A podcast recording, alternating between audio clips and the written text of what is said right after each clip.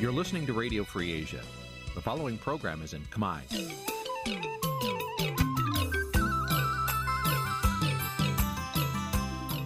នេះជាកម្មវិធីផ្សាយ Vuthu Azizi Serai នេះជាកម្មវិធីផ្សាយរបស់ Vuthu Azizi Serai ជាភាសាខ្មែរ Vuthu Azizi Serai សូមស្វាគមន៍លោកអ្នកនាងទាំងអស់ពីរដ្ឋធានី Washington នៃសហរដ្ឋអាមេរិកពីរដ្ឋធានី Washington នាងខ្ញុំសុជីវីសូមជម្រាបសួរ លោកអ្នកនាងកញ្ញាដែលកំពុងតាមដានស្ដាប់ការផ្សាយរបស់ Vuthu Azizi Serai ទាំងអស់ជាទីមេត្រីយើខ្ញុំសូមជូនកម្មវិធីផ្សាយសម្រាប់ព្រឹកថ្ងៃសុក្រ3កើតខែកដឹកឆ្នាំខាលចត្វាស័កពុទ្ធសករាជ2566ចាប់ត្រូវនៅថ្ងៃទី11ខែវិច្ឆិកាគ្រិស្តសករាជ2022ជាដំបូងនេះសូមអញ្ជើញលោកអ្នកនាងស្ដាប់ព័ត៌មានប្រចាំថ្ងៃដែលមានមេត្តាដូចតទៅ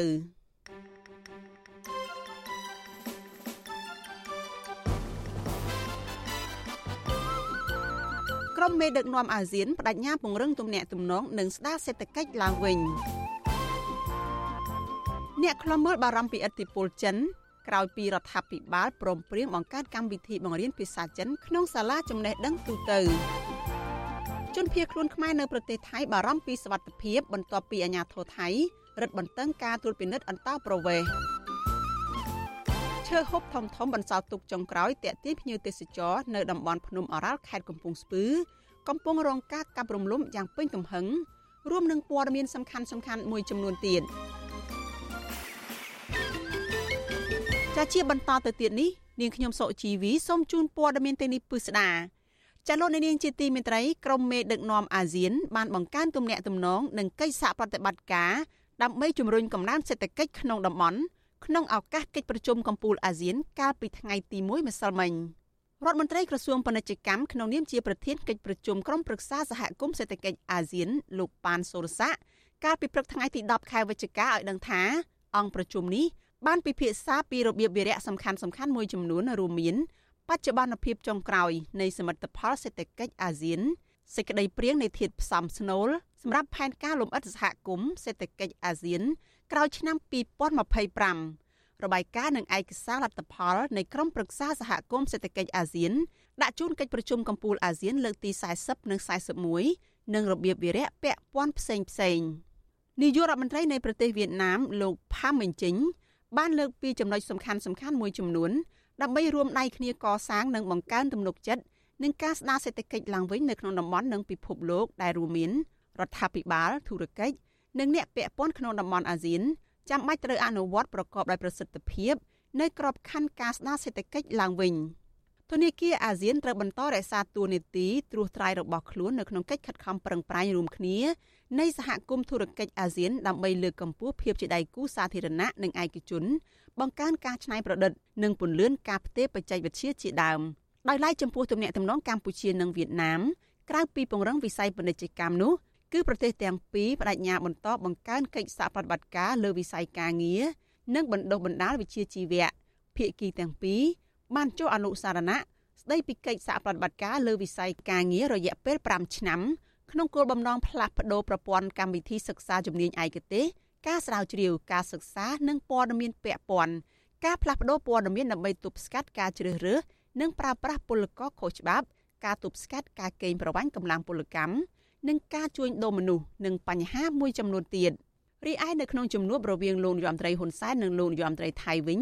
លោកប្រយុទ្ធច័ន្ទអ៊ុចាបានឯកភាពគ្នាពន្លឿនបើកច្រកទ្វារអន្តរជាតិរវាងប្រទេសទាំងពីរឡើងវិញក្រោយពីបានបិទដោយសារតែវិបត្តិជំងឺ Covid-19 ច្រកព្រំដែនទាំងនោះរួមមានច្រកទ្វារអន្តរជាតិស្ទឹងបត់បាននងអៀននិងជំរុញឲ្យបើកដំណើរការស្ពានមិត្តភាពឲ្យបានឆាប់ដើម្បីសម្រួលដល់ការដឹកជញ្ជូននិងដោះដូរទំនិញនៃប្រទេសទាំងពីរ ច្រកទ្វារព្រំដែនអន្តរជាតិស្ទឹងបត់ច្រកនងអៀននៅស្រុកអរ៉ាញ់និងខេត្តស្រះកែវជាប់គ្នានឹងច្រកអន្តរជាតិប៉ោយប៉ែតខេត្តបន្ទាយមានជ័យដោយឡែកជំនួបរវាងមេដឹកនាំឡាវនិងលោកយមត្រីហ៊ុនសែនកាលពីថ្ងៃទី10ខែវិច្ឆិកាដែរនោះមិនទាន់បានបញ្ចេញព័ត៌មានលម្អិតនៅឡើយទេដោយគេគ្រាន់តែបញ្ជាក់ថាជំនួបទ្វេភាគីរវាងមេដឹកនាំទាំងពីរនេះបានពិភាក្សាការងារមួយចំនួននៅទន្ទឹមនឹងក្រុមមេដឹកនាំអាស៊ានបានបើកកិច្ចប្រជុំថ្នាក់រដ្ឋមន្ត្រីអាស៊ាន និងជំនួបមេដឹកនាំអាស៊ានជាទ្វេភាគីកាលពីថ្ងៃទី10ខែវិច្ឆិកានោះមេដឹកនាំសហរដ្ឋអាមេរិកលោកโจ Biden និងរដ្ឋមន្ត្រីការបរទេសសហរដ្ឋអាមេរិកនឹងធ្វើដំណើរមកដល់កម្ពុជានៅថ្ងៃទី11ខែវិច្ឆិកានេះដើម្បីចូលរួមកិច្ចប្រជុំកំពូលអាស៊ានអាមេរិកនិងកិច្ចប្រជុំអាស៊ីបូព៌ាចំពោះប្រធានក្រុមប្រឹក្សាអឺរ៉ុបលោក Charles Michel លោកក៏បានមកដល់កម្ពុជាហើយដែរកាលពីយប់ថ្ងៃទី10ខែវិច្ឆិកាលោកអ្នកនាងកញ្ញាជាទីមេត្រី ចាត់ថ្ងៃទី1នៃកិច្ចប្រជុំកំពូលអាស៊ាន គឺនៅថ្ងៃទី10ខែវិច្ឆិកាម្សិលមិញសមាគមប្រជាជាតិអាស៊ីអាគ្នេយ៍មួយនេះបានសម្រេចទទួលយកប្រទេសអ៊ុយក្រែន ជាសមាជិកទី50នៃមិត្តភាព និងសហប្រតិបត្តិការតំបន់អាស៊ីអាគ្នេយ៍ហៅកាត់ថាតាក់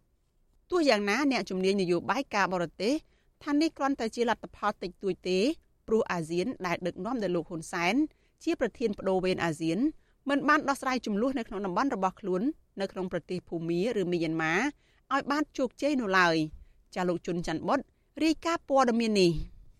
ការទទួលយកប្រទេសអ៊ុយក្រែនកំពុងមានសង្គ្រាមរ៉ាំរ៉ៃជាមួយរុស្ស៊ីមកធ្វើជាសមាជិកភាពនៃសន្ធិសញ្ញាមិត្តភាពនិងសហប្រតិបត្តិការតំបន់អាស៊ីអាគ្នេយ៍ពេលនេះភាគីទាំងពីរបានចុះហត្ថលេខាមានការចូលរួមពីបណ្ដាមេដឹកនាំអាស៊ានតំណាងដល់រដ្ឋមន្ត្រីក្រសួងការបរទេសកម្ពុជាលោកប្រាក់សុខុនជាមួយរដ្ឋមន្ត្រីការបរទេសអ៊ុយក្រែនគឺលោកឌ្មីត្រូគូលេបារដ្ឋលេខាធិការនិងជាអ្នកនាំពាក្យក្រសួងការបរទេសស្ដីពីកិច្ចប្រជុំអាស៊ានលោកគង់ភោគថ្លែងក្នុងសន្និសីទសារព័ត៌មាននៅព្រឹកថ្ងៃទី10ខែវិច្ឆិកានេះថាអ៊ុយក្រែនក្លាយជាសមាជិកទី50នៃសន្ធិសញ្ញានេះលោកបន្តទៀតថាអាស៊ានបើកចំហទទួលស្វាគមន៍ការកសាងមិត្តភាពជាមួយប្រទេសដៃគូនានាលោកលើកឡើងថាចំពោះបញ្ហាចំនួននៅអ៊ុយក្រែនដែលបង្កឡើងដោយរុស្ស៊ីកម្ពុជាក្នុងនាមជាប្រធានអាស៊ានទាមទារបញ្ចប់ចំនួននេះដោយការចរចា សិទ្ធិសញ្ញាមួយនេះគឺជារឿងមិនជាកើតមានឡើងញឹកញាប់ទេហើយនេះគឺជាមោទនភាពមួយសម្រាប់យើងទាំងអស់គ្នាដែរថាយើងអាចបង្កើនភាពជាដៃគូក៏ដូចជាតាក់ទាញចំណាប់អារម្មណ៍នឹងការគ្រប់គ្រងពីប្រទេសមកពីក្រៅតំបន់ពីព្រោះដៃគូទាំងអស់នេះគឺមិនមែននៅក្នុងតំបន់អាស៊ីផងគឺនៅតែគឺរួមទាំងនៅតំបន់មជ្ឈិមបូព៌ាក៏ដូចជានៅអឺរ៉ុបដែលគាត់មើលឃើញពីសក្តានុពលក្នុងការក្លាយទៅជាសមាជិកនៃសន្ធិសញ្ញាមួយនេះ បាទមុនពេលមានកិច្ចព្រមព្រៀងនេះមានការជជែកគ្នាតាមទូរស័ព្ទរវាងលោកនាយករដ្ឋមន្ត្រីហ៊ុនសែននៃកម្ពុជាជាមួយនឹងប្រធានាធិបតីប្រទេសអ៊ុយក្រែនគឺលោក Volodymyr Zelensky អ្នកជំនាញផ្នែកវិទ្យាសាស្ត្រនយោបាយនិងកិច្ចការអន្តរជាតិលោកអែមសវណ្ណរាយល់ថាការបញ្ចូលអ៊ុយក្រែនជាសមាជិកតាក់មិនទាន់អាចរាប់បញ្ចូលជាសមិទ្ធផលធំនោះទេព្រោះចំនួននយោបាយនៅភូមាគឺអាស៊ានជាដែលកម្ពុជាជាប្រធានបដូវវេនហាក់គ្មានពេលដោះស្រាយបានទៀតឡើយអ្នកជំនាញរូបនេះឲ្យដឹងទៀតថានៅពេលដែលអ៊ុយក្រែនក្លាយជាសមាជិកភាពនៃសន្ធិសញ្ញាមិត្តភាពនិងសហប្រតិបត្តិការតំបន់អាស៊ីអាគ្នេយ៍នៅពេលបន្ទាប់គឺអាស៊ាននិងអ៊ុយក្រែនអាចក្លាយជាដៃគូយុទ្ធសាស្ត្រលើវិស័យសេដ្ឋកិច្ចនយោបាយសន្តិសុខនិងសង្គមវប្បធម៌ បើសិនបើអ៊ុយក្រែនអញ្ចឹងឧទាហរណ៍មានសកម្មភាពខ្លាំងថ្ងៃក្រោយខ្លាយទៅជាដៃគូយុទ្ធសាស្ត្រអីយ៉ាងដែរបន្ទាប់ពីជាដៃគូជជែកពិភាក្សាគ្នាថ្ងៃក្រោយអាចទៅជាការដៃគូយុទ្ធសាស្ត្របើសិនមានពង្រីកកិច្ចសហប្រតិបត្តិការនឹងខ្លាំងក្លាខាងរីចម្រើនគ្រប់វិស័យទៅគឺទទួលបានអត្ថប្រយោជន៍ឬក៏ឈានទៅដល់កិច្ចសហប្រតិបត្តិការដូចគ្នានឹងបណ្ដារដ្ឋឬក៏មហាអំណាចធំធំចិនសហរដ្ឋអាមេរិកឬក៏រុស្ស៊ីយ៉ាងដែរបាទបាទលោកអែមសវណ្ណរាក៏ចង់ឃើញកម្ពុជាដែលជាប្រធានអាស៊ានសម្របសម្រួលយ៉ាងណា ជំរុញឲ្យសហរដ្ឋអាមេរិកក្លាយជាដៃគូសហការគ្រប់ជ្រុងជ្រោយជាមួយអាស៊ានខណៈចិនបានក្លាយជាដៃគូសហប្រតិបត្តិការគ្រប់ជ្រុងជ្រោយជាមួយអាស៊ានរួចហើយមេដឹកនាំប្រទេសអាស៊ានបានមកដល់កម្ពុជាដើម្បីចូលរួមកិច្ចប្រជុំកំពូលអាស៊ានដោយឡែកមេដឹកនាំប្រទេសភូមាឬមីយ៉ាន់ម៉ាមិនត្រូវបានគេអនុញ្ញាតឲ្យចូលរួមក្នុងកិច្ចប្រជុំនេះទេចំណែកមេដឹកនាំប្រទេសពាក់ព័ន្ធនានាក៏បានមកដល់ប្រទេសកម្ពុជាជាបន្តបន្ទាប់ដែរថ្ងៃទី1នៃកិច្ចប្រជុំកំពូលអាស៊ាននេះមេដឹកនាំប្រទេសអាស៊ានចំនួន9ប្រទេសបានចូលគាល់ព្រះមហាក្សត្រសម្ដេចព្រះនរោត្តមសីហមុនីលោកនាយករដ្ឋមន្ត្រីហ៊ុនសែនដែលជាប្រធានអាស៊ានបដូវវេនលើកឡើងតាមទំព័រ Facebook ថាការមិនអនុញ្ញាតឲ្យមេដឹកនាំភូមាចូលរួមកិច្ចប្រជុំនេះដោយសារមេដឹកនាំភូមាអនុវត្តមិនបានពេញលេញនៅគោលការណ៍កុងសង្ស៊ីស5ចំណុចរបស់អាស៊ាន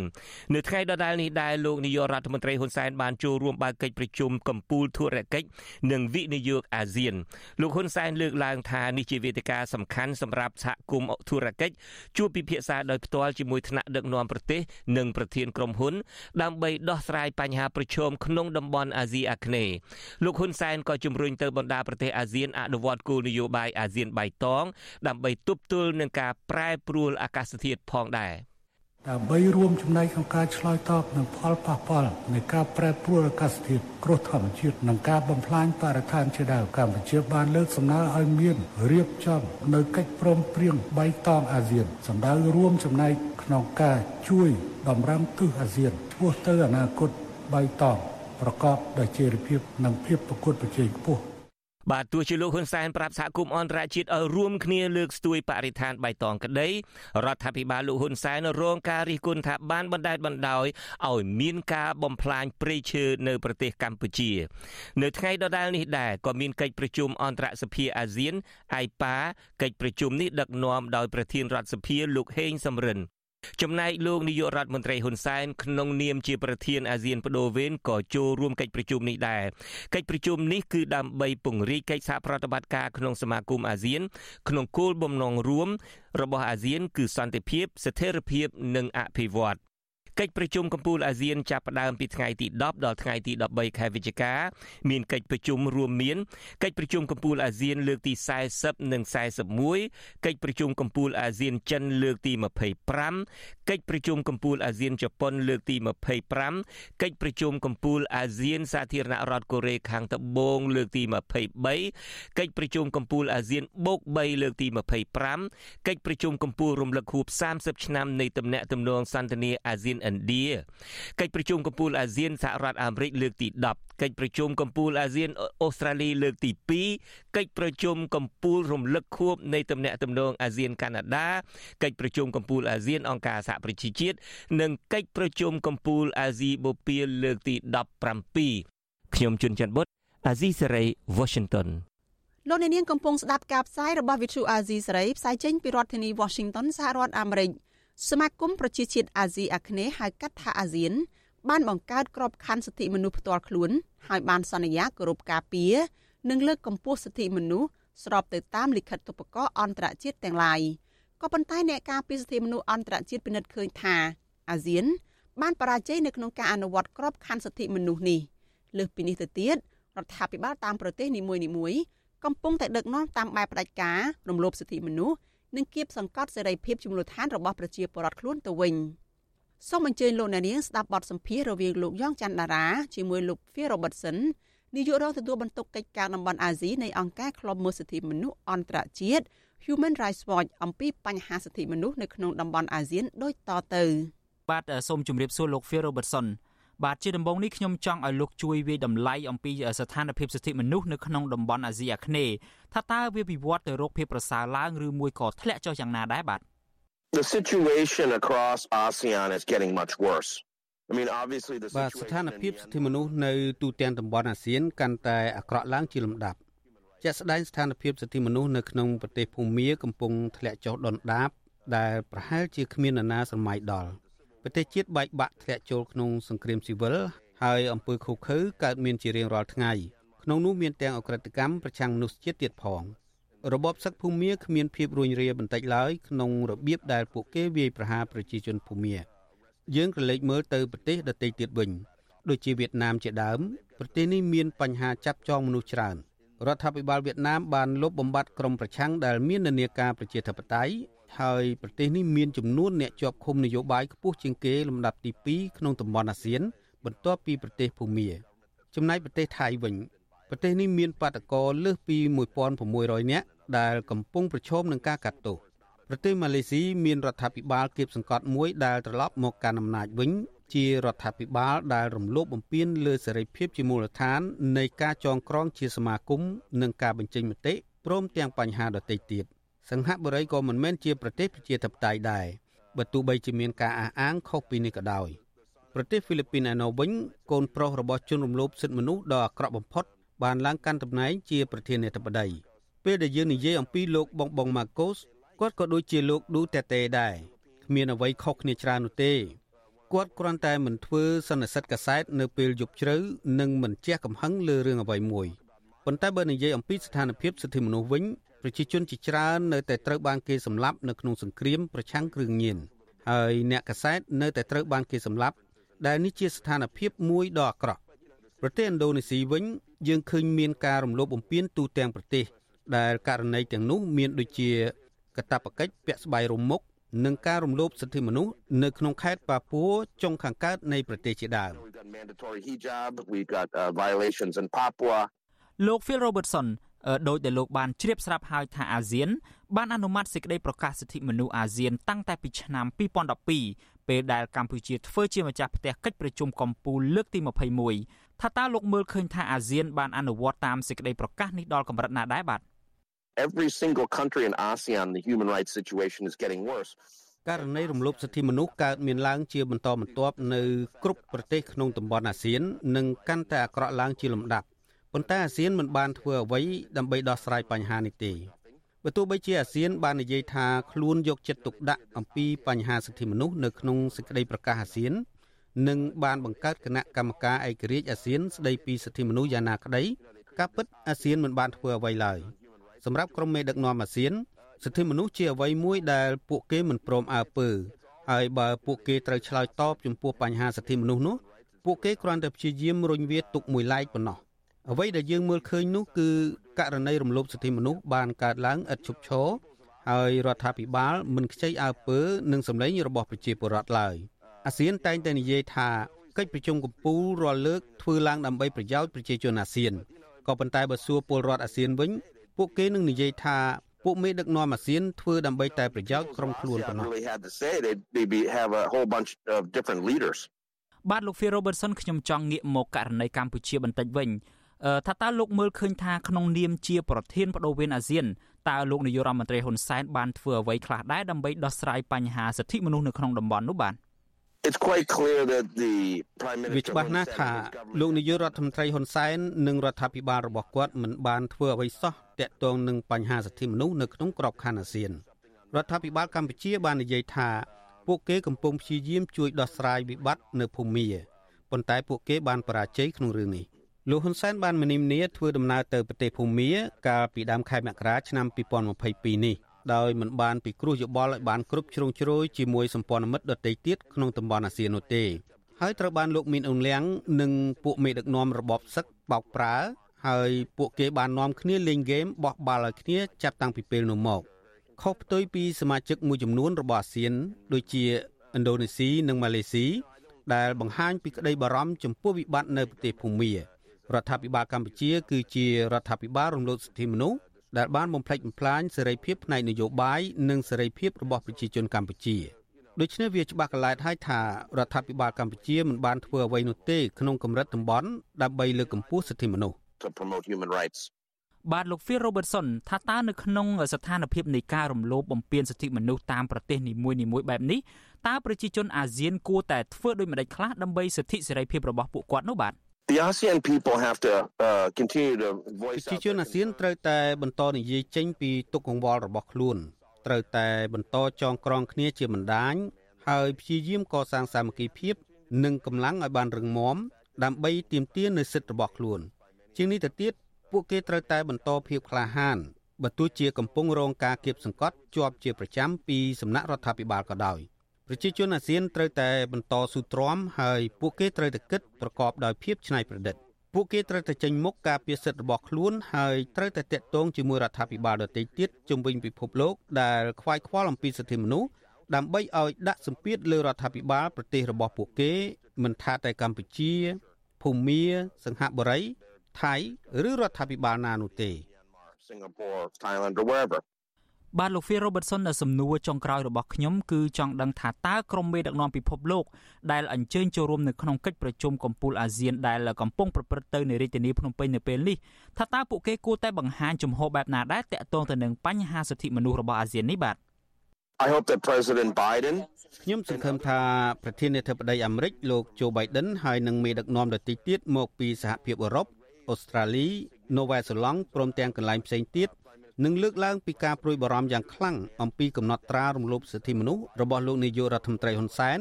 ហើយទាមទារឲ្យគាត់បញ្ឈប់ទង្វើរំលោភបំពានលើសិទ្ធិពលរដ្ឋនិងសិទ្ធិនយោបាយរបស់ប្រជាជនកម្ពុជាតទៅទៀតប្រសិនបើក្រុមមេដឹកនាំទាំងនោះធ្វើដូច្នេះហើយថ្លែងជាសាធារណៈមែននោះទើបកិច្ចប្រជុំអាស៊ាននឹងមានប្រយោជន៍ បាទខ្ញុំបាទសូមអរគុណលោក Phil Robertson ដែលបានផ្ដល់បទសម្ភាសន៍ដល់ Vithu Azizi Serai តាក់ទងទៅនឹងបញ្ហាសិទ្ធិមនុស្សនៅក្នុងតំបន់អាស៊ាននេះបាទ Yeah bye លោកអ្នកនាងកញ្ញាប្រិយមិត្តជាទីមេត្រីលោកអ្នកទើបតែបានស្ដាប់បទសម្ភាសន៍រវាងលោកយ៉ងច័ន្ទតារាជាមួយលោក Phil Robertson នាយករងទទួលបន្ទុកកិច្ចការតំបន់អាស៊ី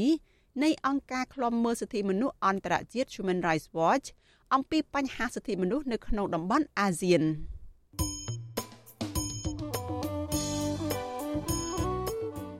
ចលនានាងជាទីមេត្រីនៅក្នុងឱកាសនេះដែរ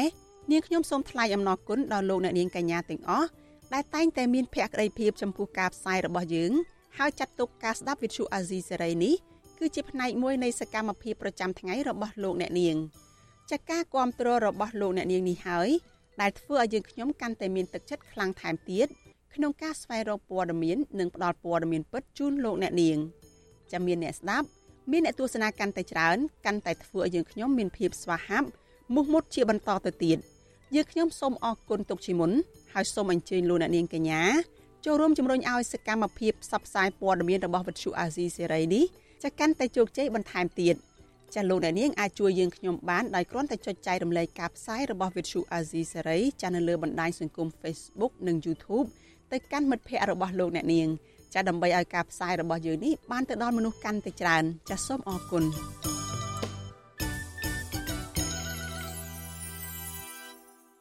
លោកអ្នកនាងកញ្ញាជាទីមេត្រីងាកមកព័ត៌មានតកតនឹងទំនាក់ទំនងរវាងកម្ពុជានិងចិនវិញម្ដង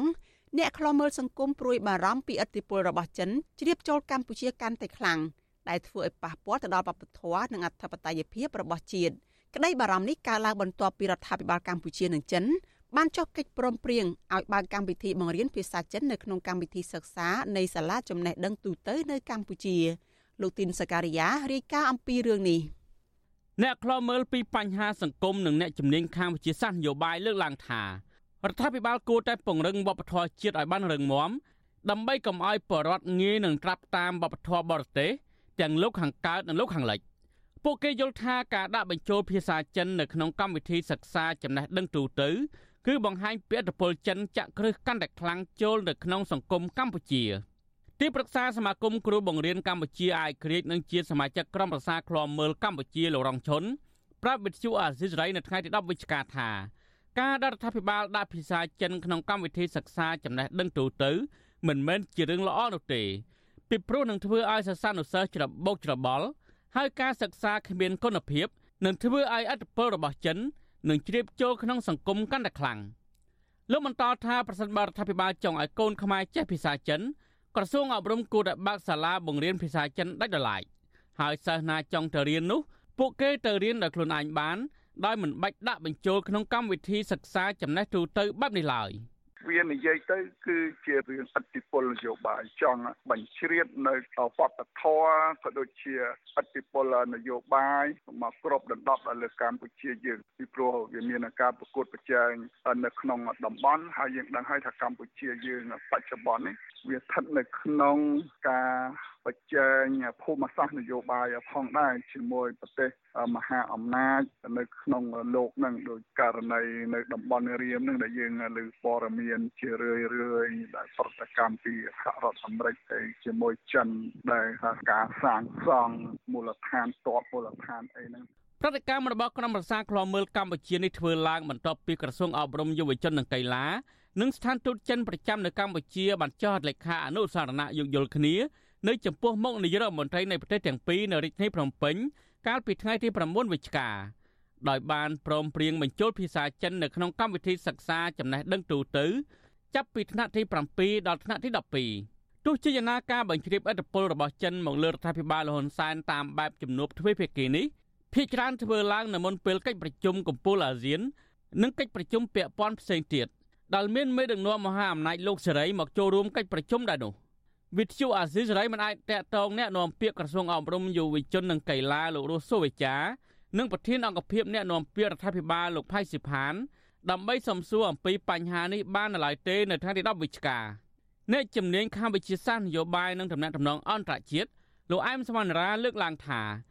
ការដាក់បញ្ចូលភាសាចិនទៅក្នុងកម្មវិធីសិក្សាចំណេះដឹងទូទៅបែបនេះបង្ហាញឲ្យឃើញថា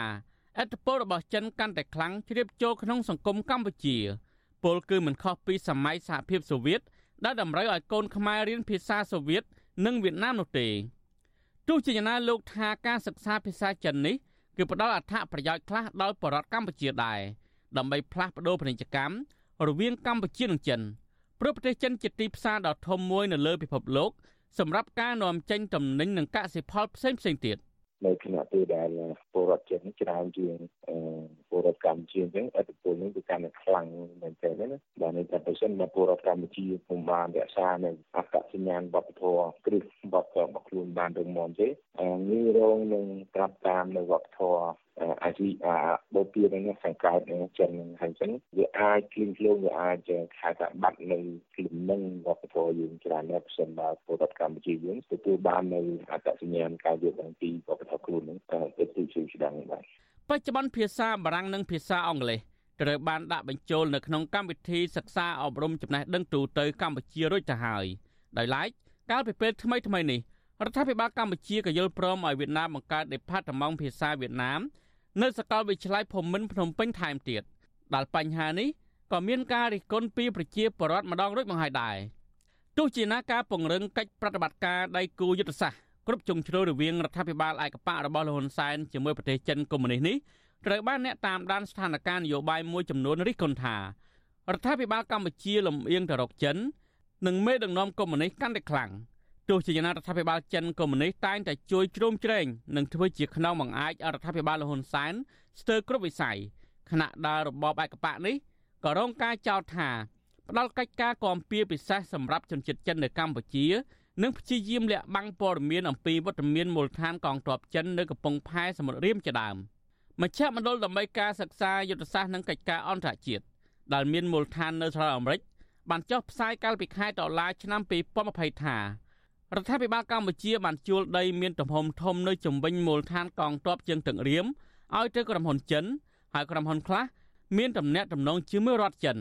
ក្នុងចំណោមក្រុមហ៊ុនទាំងអស់នេះ មានក្រុមហ៊ុនមួយឈ្មោះ Canopy Sand Development Group ដែលជាក្រុមហ៊ុនបិទសម្ព័ន្ធរបស់ក្រុមហ៊ុន Prince Real Estate Group របាយការណ៍ដដាលបន្តថាតំបន់អភិវឌ្ឍទីក្រុងរៀមដែលរដ្ឋាភិបាលកម្ពុជានិងក្រុមហ៊ុនចិនរំពឹងថា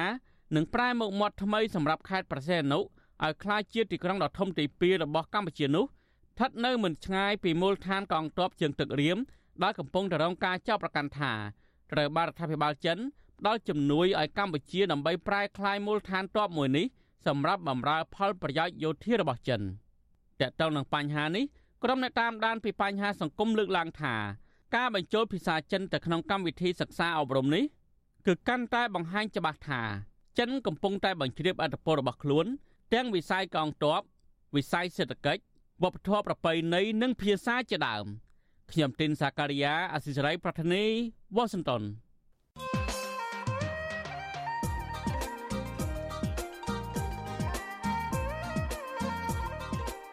លោកអ្នកនាងជាទីមេត្រីក្រុមអ្នកវិភាគលើកឡើងថាចិនកំពុងតែបង្កើនទំនាក់ទំនងជាមួយលោកយមត្រីហ៊ុនសែនកាន់តែខ្លាំងនៅមុនកិច្ចប្រជុំកំពូលអាស៊ាននេះការរឹតចំណងមិត្តភាពដៃថែបចិនជាមួយនឹងប្រធានបដូវវេនអាស៊ាននេះនៅទន្ទឹមនឹងប្រធានាធិបតីសហរដ្ឋអាមេរិកលោកโจ Biden ទៅចូលរួមកិច្ចប្រជុំអាស៊ានអាមេរិកលើកទី10ដែរតើវត្តមានរបស់លោកโจ Biden នៅក្នុងកិច្ចប្រជុំអាស៊ានអាមេរិកដែលធ្វើឡើងនៅកម្ពុជានេះ អាចស្ដារទំនាក់ទំនងកម្ពុជានិងអាមេរិកឲ្យកាន់តែល្អឡើងវិញបានឬទេតើកម្ពុជានឹងអាចទាញបានផលចំណេញអ្វីខ្លះពីសហរដ្ឋអាមេរិកចាសសូមអញ្ជើញលោកអ្នកនាងរងចាំស្ដាប់នីតិវេទិកានៃស្ដាប់វិទ្យុអាស៊ីសេរីចាអំពីរឿងនេះនៅក្នុងការផ្សាយរបស់យើងនៅយប់ថ្ងៃសុក្រទី11ខែវិច្ឆិកានេះកុំបីខានចាសលោកអ្នកនាងអាចចូលរួមបញ្ចេញមតិយោបល់ឬសួរវាគ្មិនរបស់យើងដោយផ្ទាល់ដោយដាក់លេខទូរស័ព្ទរបស់លោកអ្នកនាងនៅក្នុងខ្ទង់ comment របស់ Facebook និង YouTube វិទ្យុអាស៊ីសេរី ចាស់ក្រុមការងាររបស់យើងនឹងហៅទៅលោកអ្នកនាងវិញចាស់សូមអរគុណ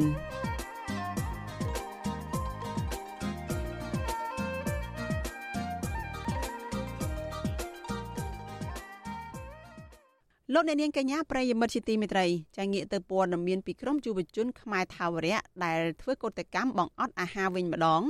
ក្រមយុវជនខ្មែរថាវរៈរក្សាជំហរបន្តការធ្វើយុទ្ធនាការបង្អត់អាហារនៅទីលានប្រជាធិបតេយ្យរាជធានីភ្នំពេញដដែល បើទោះបីជាអាជ្ញាធរក្រុងភ្នំពេញគម្រាមកំហែងនិងបង្ខំឲ្យពួកគាត់រើតង់ចេញពីទីលានប្រជាធិបតេយ្យក្តីពួកគាត់ថាការបន្តធ្វើកោតកម្មបង្អត់អាហារនេះដើម្បីទាមទាររដ្ឋាភិបាលនិងតុលាការដោះលែងកញ្ញាសេងធីរីរួមទាំងអ្នកទោសមនសិការផ្សេងផ្សេងទៀតមន្ត្រីសង្គមស៊ីវិលយល់ថាអាញាធរមិនគួរលើកហេតុផលដដែលដដែល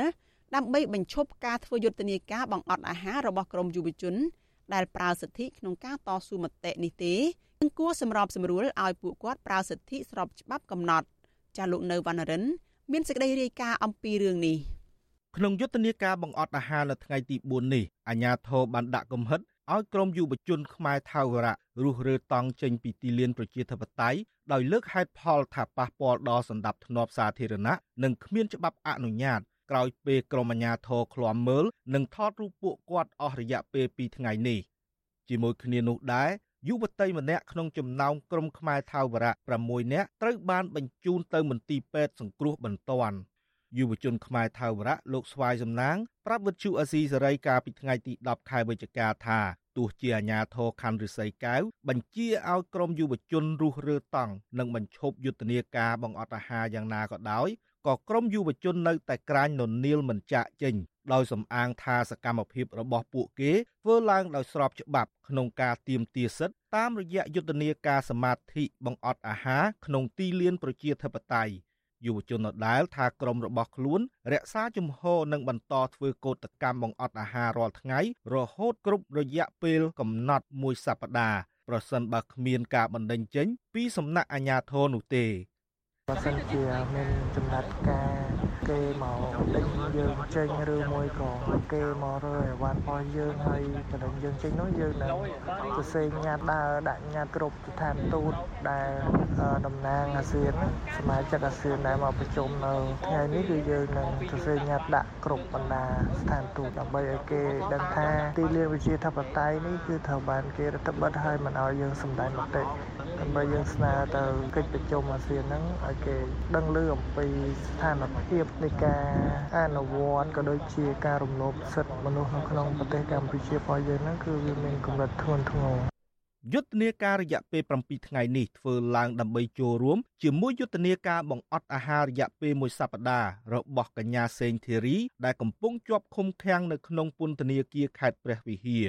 ក្រុមយុវជនទាំង6នាក់ក្នុងនោះមានស្ត្រី3នាក់បានទាមទារឲ្យរដ្ឋាភិបាលនិងតុលាការដោះលែងកញ្ញាសេងធីរីរួមទាំងអ្នកទោសមនសិការផ្សេងផ្សេងទៀតពួកគេបានបង្អត់អាហារចាប់តាំងពីថ្ងៃទី7ខែវិច្ឆិកាមកដោយចំណាយពេល2ថ្ងៃនៅក្នុងខេត្តព្រះវិហារនិង2ថ្ងៃចុងក្រោយនៅរាជធានីភ្នំពេញក្នុងយុទ្ធនាការបង្អត់អាហារថ្ងៃទី4នេះមានសមាជិកក្រុមយុវជនខ្មែរថាវរៈម្នាក់គឺកញ្ញាឆែមស្រីគា ហើយខ្លឹមសារបានអស់កម្លាំងរហូតដល់ដួលសន្លប់និងបញ្ជូនទៅសង្គ្រោះបន្ទាន់នៅមន្ទីរពេទ្យមកដល់ពេលនេះកញ្ញាឆែមស្រីគា មានសភាពនឹងណឡើងវិញហើយក្រោយការជួយសង្គ្រោះឆ្លើយតបទៅនឹងរឿងនេះអ្នកនាំពាក្យរបស់គណៈបកកណ្ដាលអំណាចលោកសុកអេសាន បញ្ជាក់ថាការអត់អាហារជាសិទ្ធិរបស់យុវជន ដែលគ្រប់គ្រងកញ្ញាសេងធីរីប៉ុន្តែប្រសិនបើមានសុខភាព ឬអស់កម្លាំងគួរបន្ទោសអ្នកណា គឺត្រូវតែបន្ទោសខ្លួនឯង លោកសុកអេសានចាត់ទុកថាសកម្មភាពរបស់យុវជនក្នុងការបង្អត់អាហារខ្លួនឯងជាសកម្មភាពអុកលុកសភាពការចង់ឲ្យបរទេស និងប្រទេសដែលចូលរួមកិច្ចប្រជុំអាស៊ាន មើលឃើញថាកម្ពុជាស្មុគស្មាញនិងសភាពការអាក្រក់បាទទោះបីគាត់ខំធ្វើយ៉ាងណាក៏ដោយมันអាចប្រែចលាសភាពការទៅជាអាក្រក់បានទេបាទ អញ្ចឹងខ្ញុំយល់ថាកញ្ញាសេងធីរីមានវិណារំលោភសិទ្ធិមនុស្សគាត់គឺគាត់ធ្វើខុសច្បាប់បានត្រូវជាប់ទោសនឹងតឡាការគេកាត់ទោសត្រឹមត្រូវថាមានអីរំលោភសិទ្ធិមនុស្សគាត់អញ្ចឹងយើងដឹងហើយថាថាគេប្រកាន់របបប្រជាធិបតេយ្យនិងនីតិរដ្ឋអាហ្នឹងអត់មានទេដូច្នេះអត់មានការកែតម្រូវកើកែលម្អអីសិទ្ធិមនុស្សលទ្ធិប្រជាធិបតេយ្យអត់ទេ ទោះជាការអះអាងរបស់អ្នកនាំពាក្យគណៈបកកណ្ដាលអំណាចថាគ្មានការរំលោភសិទ្ធិមនុស្សនៅកម្ពុជាក៏ដោយប៉ុន្តែសង្គមស៊ីវិលថាការឲ្យយុវជនរុះរើចេញពីកន្លែងធ្វើយុទ្ធនាការបង្អត់អាហារជាការរឹតបន្តឹងសិទ្ធិសេរីភាពសម្ដែងមតិដោយសន្តិវិធីរបស់ពួកគាត់ ចំណែកមេធាវីកញ្ញាសេងធីរីកាលពីថ្ងៃទី7ខែវិច្ឆិកាបានចេញសេចក្តីថ្លែងការណ៍ពីកោតកម្មបង្អត់អាហាររយៈពេលមួយសប្តាហ៍របស់កញ្ញាសេងធីរីថាកញ្ញាបានទាមទារឲ្យបញ្ជូនកញ្ញាទៅឃុំខ្លួននៅពន្ធនាគារព្រៃសររាជធានីភ្នំពេញវិញនិងស្នើសិទ្ធិដូចគ្នាទៅនឹងអ្នកទោសផ្សេងទៀតរួមទាំងសិទ្ធិទទួលបានការប្រតិបត្តិសាសនាប្រចាំសប្តាហ៍និងប្រើប្រាស់ទូរស័ព្ទទំនាក់ទំនងចេញពីពន្ធនាគារជាដើម ជុំវិញរឿងនេះនាយកទទួលបន្ទុកកិច្ចការទូតនៃអង្គការសិទ្ធិមនុស្សលីកាដូលោកអំសំអាត បានមានប្រសាសន៍ថាយុវជនមួយចំនួនក្នុងក្រុមខ្មែរថាវរៈធ្លាប់ទទួលរងអំពើអយុត្តិធម៌ដោយកញ្ញាសេងធីរី ដែលពាក់ព័ន្ធនឹងការតស៊ូមតិហើយត្រូវបានចាប់ខ្លួនដាក់ពន្ធនាគារទើបជំរុញទឹកចិត្តឲ្យពួកគាត់ធ្វើយុទ្ធនាការនេះឡើង មន្ត្រីសិទ្ធិមនុស្សដដែលបន្តថាក្រមយុវជន មុនធ្វើយុទ្ធនាការពួកគាត់ដឹងច្បាស់ពីលទ្ធផលហើយថានឹងប៉ះពាល់ដល់សុខភាពបែបណាប៉ុន្តែនេះគឺជាឆន្ទៈនិងជាសិទ្ធិរបស់ពួកគាត់លោកអំសំអាតបន្តថាការលើកហេតុផលថាប៉ះពាល់ដល់សន្តិភាពធ្នាប់សាធារណៈរបស់អាជ្ញាធរគឺប៉ះពាល់ដល់សិទ្ធិសេរីភាពរបស់ពលរដ្ឋក្នុងការទាមទារដោយសន្តិវិធីព្រោះកន្លែងប្រជុំអាស៊ាន នៅឆ្ងាយពីទីលានប្រជាធិបតេយ្យ លោកចាត់ទុកថាហេតុផលរបស់អាជ្ញាធរជារឿងដដែលដដែលដែលមានចេតនាបន្តិចបង្អាក់ហើយនឹងបញ្ឈប់ការធ្វើកោតកម្មបង្អត់អាហាររបស់យុវជន។ អាញាធរកម្ពុជានិងតុលាការកម្ពុជាលើកឡើងថាការចាប់និងការឃុំខ្លួនទៅលើកញ្ញាសេងធារីឬក៏ក៏អ្នកទោសមនសិការផ្សេងទៀតសកម្មជនបរិស្ថានសកម្មជនការពារសិទ្ធិមនុស្សអ្នកធ្វើការងារសង្គមហ្នឹងគឺជាការអនុវត្តច្បាប់កម្ពុជាដែលពួកគេធ្វើខុសនឹងច្បាប់កម្ពុជាក៏ប៉ុន្តែបើមើលទៅលើអ្នកជំនាញសិទ្ធិមនុស្សជាតិអន្តរជាតិរហូតដល់ក្រុមប្រឹក្សាសិទ្ធិមនុស្សគេមើលឃើញថាការចាប់និងការឃុំខ្លួនទាំងអស់ហ្នឹងវាបំពានទៅលើសេរីភាពជាមូលដ្ឋានរបស់ពលរដ្ឋក្រមយុវជនខ្មែរថាវរៈសង្ឃឹមថាការបន្តយុទ្ធនាការបង្អត់អាហាររបស់ពួកគាត់នៅពេលនេះនឹងផ្ដល់ដំណឹងទៅដល់ថ្នាក់ដឹកនាំកម្ពុជាកម្ពុជារបស់អាស៊ាន និងមេដឹកនាំប្រទេសប្រជាធិបតេយ្យផ្សេងទៀតរួមមានប្រធានាធិបតីសហរដ្ឋអាមេរិកលោកโจ Biden ដែលនឹងមកចូលរួមកិច្ចប្រជុំអាស៊ាន ដើម្បីដាក់សម្ពាធឲ្យរដ្ឋាភិបាលដោះលែងអ្នកទោសមនសិការផ្សេងៗនិងកញ្ញាសេងធីរី ទាក់ទិននឹងរឿងនេះដែរក្រសួងការបរទេសសហរដ្ឋអាមេរិកបានគូសបញ្ជាក់កាលពីថ្ងៃទី8ខែកញ្ញាថាសហរដ្ឋអាមេរិកនៅតែបន្តផ្ដោតជាអតិភិបនិងអំពាវនាវឲ្យមានការដោះលែងមេធាវីសញ្ជាតិខ្មែរអាមេរិកាំងកញ្ញាសេងធីរីនិងសកម្មជនគណៈបកប្រឆាំងទាំងអស់ដែលត្រូវបានជាប់ឃុំដោយអយុត្តិធម៌ខ្ញុំបាទនៅវណ្ណរិន with Chu Azizi Saray ពីរដ្ឋធានី Washington លោកអ្នកនាងជាទីមេត្រីព័ត៌មានចុងក្រោយដែលវិទ្យុអាស៊ីសេរីទទួលបានឲ្យដឹងថាកញ្ញាឆែមសេរីគា ដែលដួលសន្លប់បានចាក់ចេញពីមន្ទីរពេទ្យទៅសម្រាប់ព្យាបាលនៅផ្ទះហើយក្រោយបានពិនិត្យនិងព្យាបាលគណៈយុវជន5នាក់ផ្សេងទៀតនៅបន្តយុទ្ធនាការបង្អត់អាហារនៅក្នុងទីលានប្រជាធិបតេយ្យទាំងលហិតលហៃនិងឈឺក្រពះយុវជនខ្មែរថាវរៈលោកស្វាយសំណាងប្រាប់វិទ្យុអាស៊ីសេរីនៅយប់ថ្ងៃទី10ខែវិច្ឆិកាថារូបលោកផ្ទាល់ ត្រូវបានអាជ្ញាធរចាប់ច្របាច់ករុញផ្ទប់នឹងជញ្ជាំងមន្ទីរពេទ្យពេលក្រុមរបស់លោកចូលទៅមើលកញ្ញាឆែមស្រីគានៅមន្ទីរពេទ្យហើយក៏មានអាជ្ញាធរចូលទៅថតរូបកញ្ញាផងដែរនៅពេលទទួលការព្យាបាលនិងដាក់សេរ៉ូមលោកថាក្រុមរបស់លោកក៏សម្រេចចិត្តឲ្យកញ្ញាឆែមស្រីគាទៅសម្រាកនៅផ្ទះជាបណ្ដោះអាសន្នក្រោយធូរស្រាលបន្តិចរីឯស្ថានភាពសុខភាពរបស់ក្រុមយុវជនទាំង5នាក់រួមមានទាំងលោកស្វាយសំណាងផង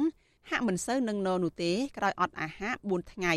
ពួកគាត់មានបញ្ហាឈឺក្រពះអស់កម្លាំងនិងវិលមុខលោកក៏បានបញ្ជាក់ថាមកទល់នឹងពេលជិតកណ្ដាលអាត្រាតថ្ងៃទី10ខែវិច្ឆិកាស្ថានភាពនៅក្នុងទីលានប្រជាធិបតេយ្យមានសភាពស្ងប់ស្ងាត់និងងងឹតហើយអាជ្ញាធរបិទភ្លើងនិងចាក់សោទ្វារបន្ទប់អនាម័យមិនឲ្យពួកគាត់ប្រើប្រាស់ទៀតនោះទេទោះយ៉ាងនេះក្តី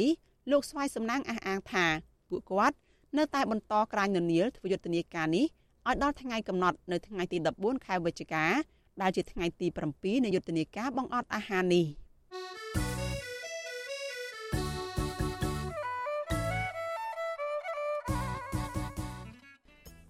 លោកនាងកញ្ញាប្រិយមិត្តជាទីមេត្រីចាក្រៅពីតាមដានកម្មវិធីផ្សាយរបស់ Vithu Azizi Serai តាមបណ្ដាញសង្គម Facebook YouTube និង Telegram លោកអ្នកនាងក៏អាចតាមដានកម្មវិធីផ្សាយរបស់យើងតាមរយៈបណ្ដាញសង្គម Instagram របស់ Vithu Azizi Serai តាមរយៈតំណភ្ជាប់ instagram.com/rfa ខ្មែរចាវិទ្យុអាស៊ីសេរីខិតខំផ្សព្វផ្សាយព័ត៌មានពិតទៅកាន់លោកអ្នកនាងតាមបណ្ដាញសង្គមផ្សេងផ្សេងនិងសម្បូរបែបដើម្បីឲ្យលោកអ្នកនាងងាយស្រួលតាមដានការផ្សាយរបស់ Vithu Azizi Serai បានគ្រប់ពេលវេលា និងគ្រប់ទីកន្លែងតាមរយៈទូរស័ព្ទដៃរបស់លោកអ្នកនាង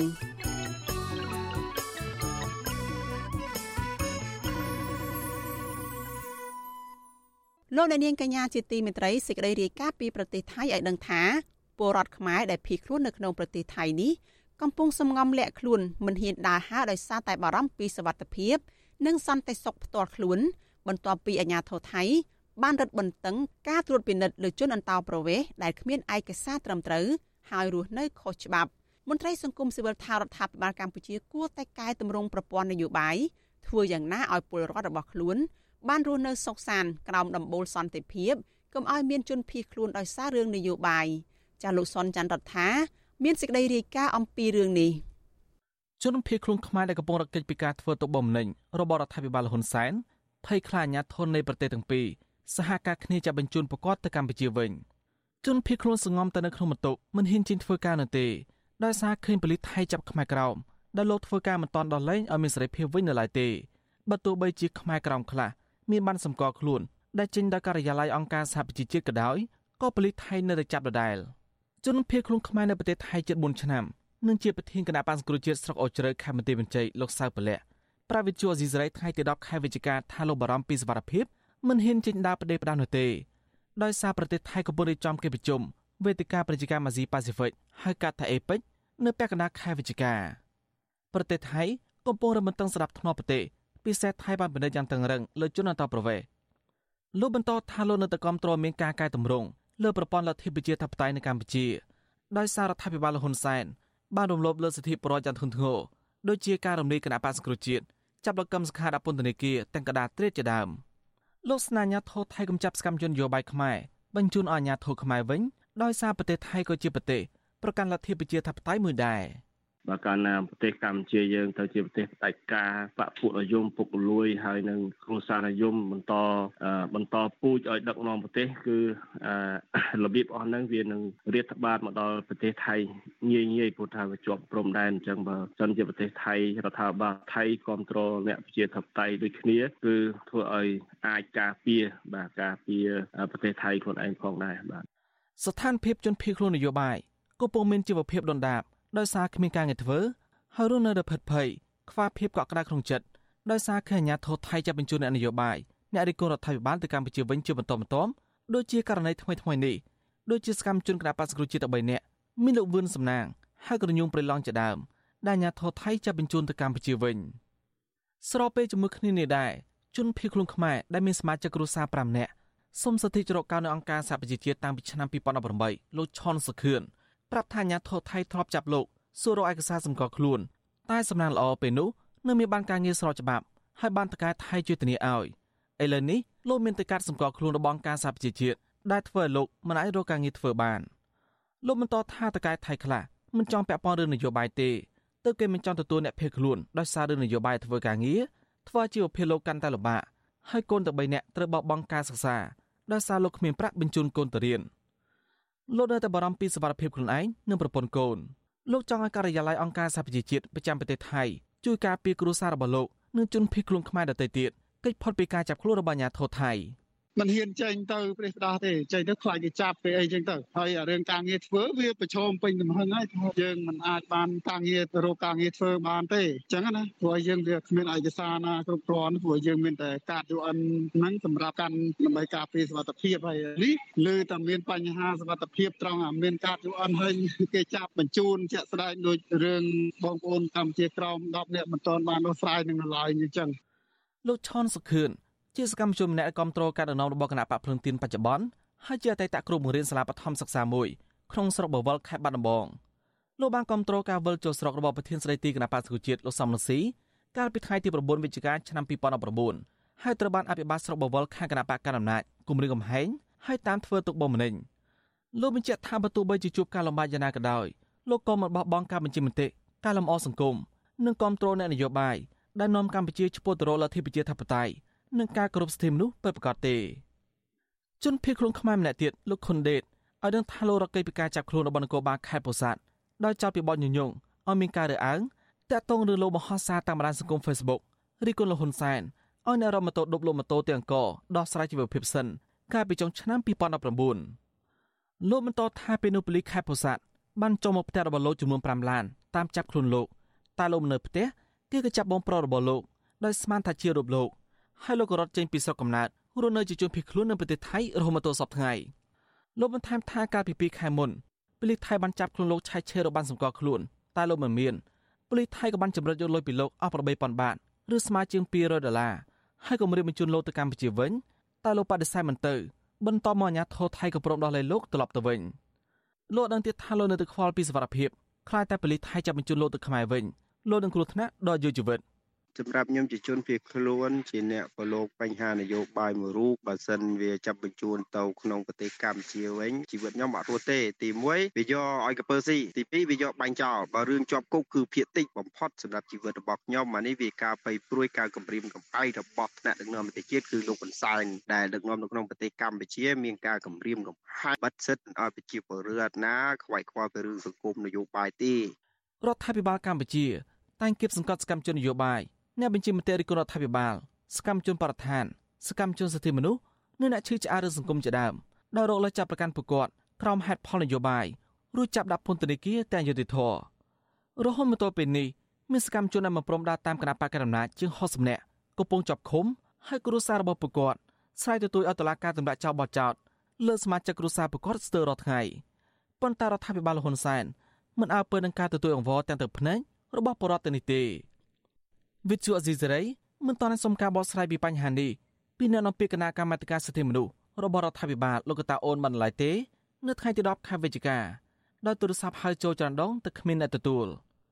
ជុំវិញរឿងនេះប្រធានផ្នែកប្រយុទ្ធប្រឆាំងការជួញដូរមនុស្សនិងទេសសំប្រវេនៃអង្គការសង្ត្រាលោកឌីថេអូយ៉ា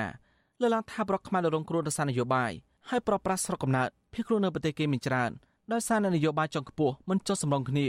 ហើយធ្វើចំនួននយោបាយកាន់តែក្តៅកគុក ហើយធ្វើឲ្យប្រទេសកាន់តែទន់ខ្សោយលោកបន្តថាសកម្មជនឈឺឆ្អាលរឿងសង្គមគួរទទួលបានការលើកទឹកចិត្តពីរដ្ឋាភិបាល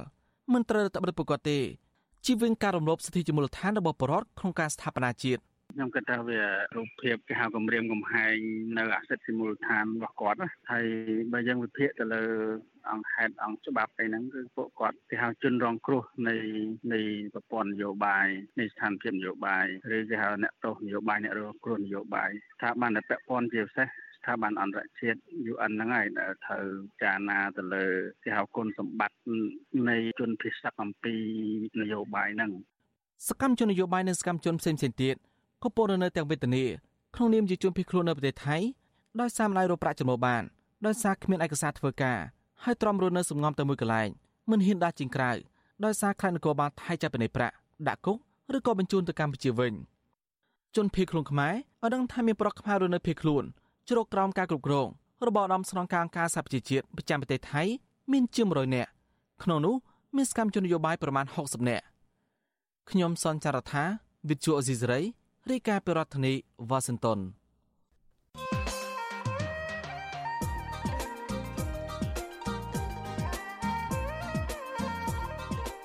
លោកអ្នកនាងជាទីមេត្រីក្រុមអ្នកវិភាគលើកឡើងថាចិនកំពុងតែបង្កើនទំនាក់ទំនងជាមួយលោកយមត្រីហ៊ុនសែនកាន់តែខ្លាំងនៅមុនកិច្ចប្រជុំកំពូលអាស៊ាននេះការរឹតចំណងមិត្តភាពដៃថែបចិនជាមួយនឹងប្រធានបដូវវេនអាស៊ាននេះនៅទន្ទឹមនឹងប្រធានាធិបតីសហរដ្ឋអាមេរិកលោកโจ Biden ទៅចូលរួមកិច្ចប្រជុំអាស៊ានអាមេរិកលើកទី10ដែរតើវត្តមានរបស់លោកโจ Biden នៅក្នុងកិច្ចប្រជុំអាស៊ានអាមេរិកដែលធ្វើឡើងនៅកម្ពុជានេះអាចស្ដារទំនាក់ទំនងកម្ពុជានិងអាមេរិកឲ្យកាន់តែល្អឡើងវិញបានឬទេតើកម្ពុជានឹងអាចទាញបានផលចំណេញអ្វីខ្លះពីសហរដ្ឋអាមេរិកចាសសូមអញ្ជើញលោកអ្នកនាងរងចាំស្ដាប់នីតិវេទិកានៃស្ដាប់វិទ្យុអាស៊ីសេរីចាអំពីរឿងនេះនៅក្នុងការផ្សាយរបស់យើងនៅយប់ថ្ងៃសុក្រទី11ខែវិច្ឆិកានេះកុំបីខាន ចាសលោកអ្នកនាងអាចចូលរួមបញ្ចេញមតិយោបល់ឬសួរវាគ្មិនរបស់យើងដោយផ្ទាល់ដោយដាក់លេខទូរស័ព្ទរបស់លោកអ្នកនាងនៅក្នុងខ្ទង់ comment របស់ Facebook និង YouTube វិទ្យុអាស៊ីសេរីចាស់ក្រុមការងាររបស់យើងនឹងហៅទៅលោកអ្នកនាងវិញចាស់សូមអរគុណ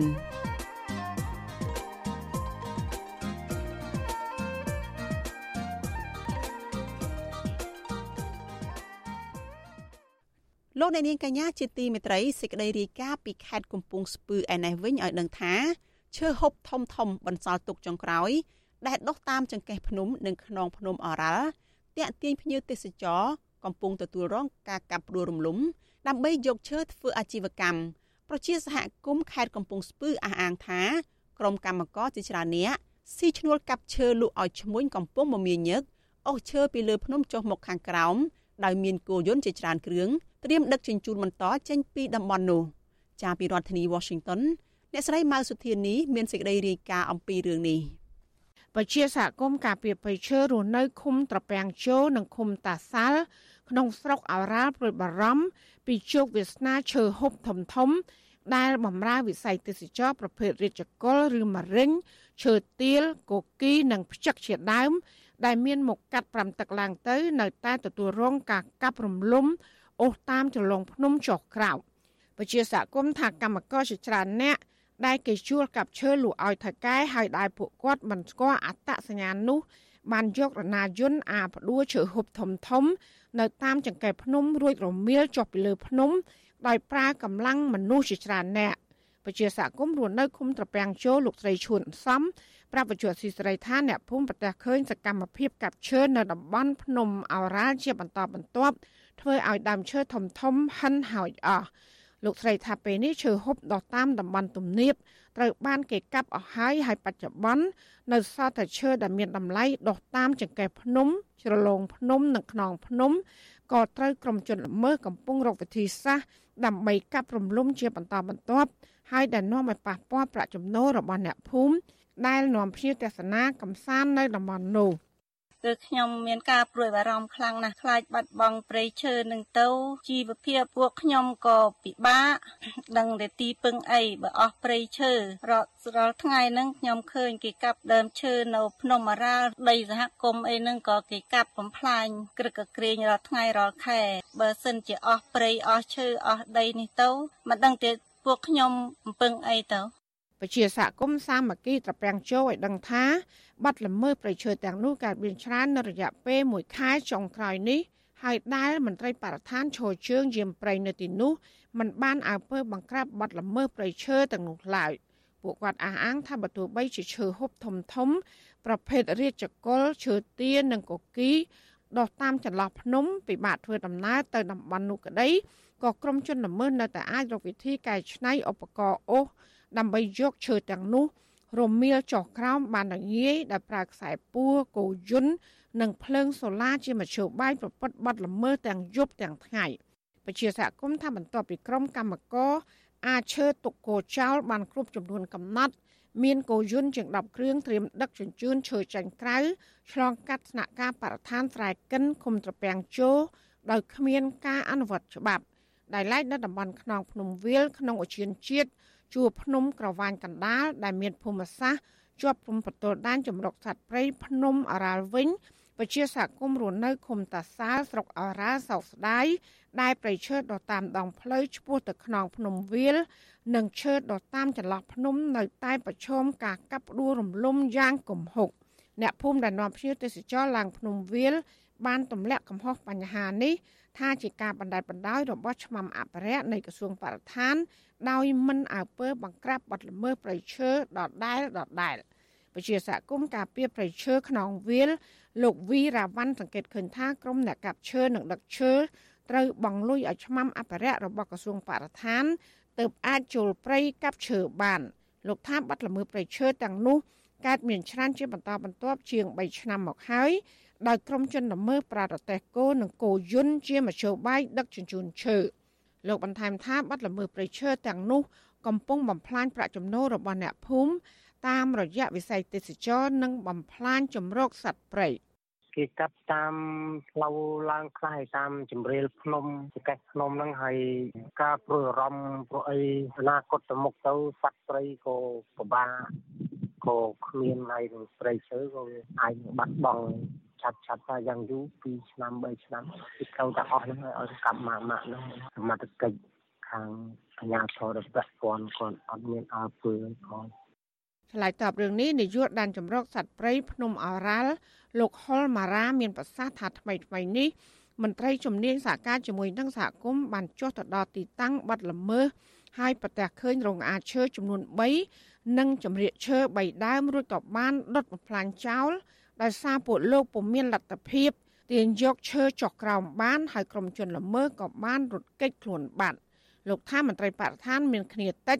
มันអាចប្រចាំការនៅតំបន់នោះរាល់ថ្ងៃដែលជាហេតុធ្វើឲ្យក្រុមជនល្មើសលួចឆ្មក់កាប់ឈើនៅពេលយប់ប៉ុន្តែយ៉ាងណាលោកបានដាក់ផែនការឲ្យប្រជាសហគមន៍តាមដានបាត់ល្មើសទាំងនោះរួចផ្ដល់ដំណឹងទៅមន្ត្រីជំនាញជាបន្ទាន់ ចឹងត្រង់ថាបើថាឲ្យយើងទៅនៅជាប់មកយើងមិនអត់កើតទេបាទយើងនៅហើយអស់បានហើយត្រឹម4ទៅ5ថ្ងៃតែប៉ុណ្្នឹងទេហើយពួកហ្នឹងតើកាលណាយើងដកមកវិញគឺវាឡើងទៅទៀតណាវាដឹងណាវាមានបណ្ដាញមកវាពួកហ្នឹងបាទហើយឥឡូវហ្នឹងយើងដាក់ផែនការឲ្យវិជាសហគមន៍ហ្នឹងគឺតាមដានទៅជាប់យកចិត្តទុកដាក់កន្លែងហ្នឹងបន្តិចពីព្រោះយើងមានភៀវបាទបើយើងថែសារមិនបានទេអាហ្នឹងដូចថាយើងបាត់បង់ភៀវចឹងណាជុំវិញរឿងនេះប្រធានអង្គការប្រឆាំងអំពើពុករលួយទប់ស្កាត់ធនធានធម្មជាតិនិងការពារសិទ្ធិបរដ្ឋ លោកជាហ៊ានសង្កេតឃើញថាឆ្មាំអភិរក្សរបស់ក្រសួងបរិស្ថានមានភាពធូររលុងអនុវត្តច្បាប់ទើបធ្វើឲ្យក្រុមជនល្មើសហ៊ានលួចកាប់ឈើនៅតំបន់អភិរក្សដដែលដដែលលោកថាប្រសិនបើមន្ត្រីជំនាញមានឆន្ទៈអនុវត្តច្បាប់ច្បាស់លាស់នោះបាត់ល្មើសប្រៃឈើទាំងនេះនឹងមិនអាចគេចផុតនោះឡើយ។ ហើយដល់ពេលយើងខណៈយើងធ្វើការខាត់សួរគាត់ចាប់គាត់ចាប់ដើមកាន់ដបសាំងដបអីចឹងចង់ដុតខ្លួនចង់ដុតអីដោយសារតែគាត់នឹងខ្ចីបំណុលធនាគារទិញគោយន្តទិញរណាយន្តអញ្ចឹងទៅគាត់ជួបផលលំបាកអញ្ចឹងត្អូនត្អែរអញ្ចឹងហើយនៅពេលដែលយើងធ្វើកិច្ចសន្យាជាមួយគាត់គាត់នៅតែដដែលដដែលអត់ព្រមឈប់វិញនៅលើផែនទីដែនជម្រកសត្វព្រៃភ្នំអរ៉ាល់បានចុះបញ្ជីតំបន់ការពារដោយបរិយាក្រិត កាលពីឆ្នាំ1993ដែលមានផ្ទៃដីជាង250,000ហិកតាហើយស្ថិតក្នុងខេត្តកំពង់ស្ពឺនិងខេត្តពោធិ៍សាត់គ្រប់គ្រងដោយក្រសួងបរិស្ថានប៉ុន្តែពេលនេះតំបន់អភិរក្សនេះបានក្លាយជាវាលរហោស្ថានអស់រាប់ម៉ឺនហិកតាដោយមានតំបន់ខ្លះមានដំណាំកសិកម្មគ្រប់គ្រងដោយអាជ្ញាធរមានអំណាចនិងអ្នកមានឥទ្ធិពលរបស់គណៈបកប្រជាជនកម្ពុជារីឯដើមឈើធំធំដែលនៅសេសសល់ចុងក្រោយ ស្ថិតនៅតាមជ្រលងភ្នំ កំពូលភ្នំ ចង្កេះភ្នំ និងតំបន់ឈ្លោះផ្ដល់ទេសភាពស្រស់បំព្រងសម្បូរទៅដោយភ្ញៀវទេសចរទៅបោះតង់កំសាន្តនោះ កំពុងប្រឈមការថយចុះជារៀងរាល់ថ្ងៃចាននាងខ្ញុំម៉ៅសុធានីវិទ្យុអាស៊ីសេរីប្រធានាធិបតី Washington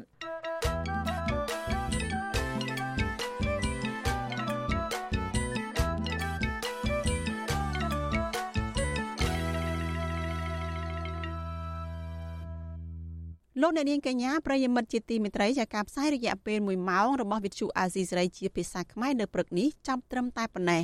នាងខ្ញុំសុជីវីព្រមទាំងក្រុមការងារទាំងអស់នៃវិទ្យុអាស៊ីសេរីចាសសូមជូនពរដល់លោកអ្នកនាងកញ្ញានិងក្រុមគ្រួសារទាំងអស់ចាសសូមជួបប្រកបតែនឹងសេចក្តីសុខចាសចម្រើនរុងរឿងកំបីគ្លៀងគ្លាតឡើយ។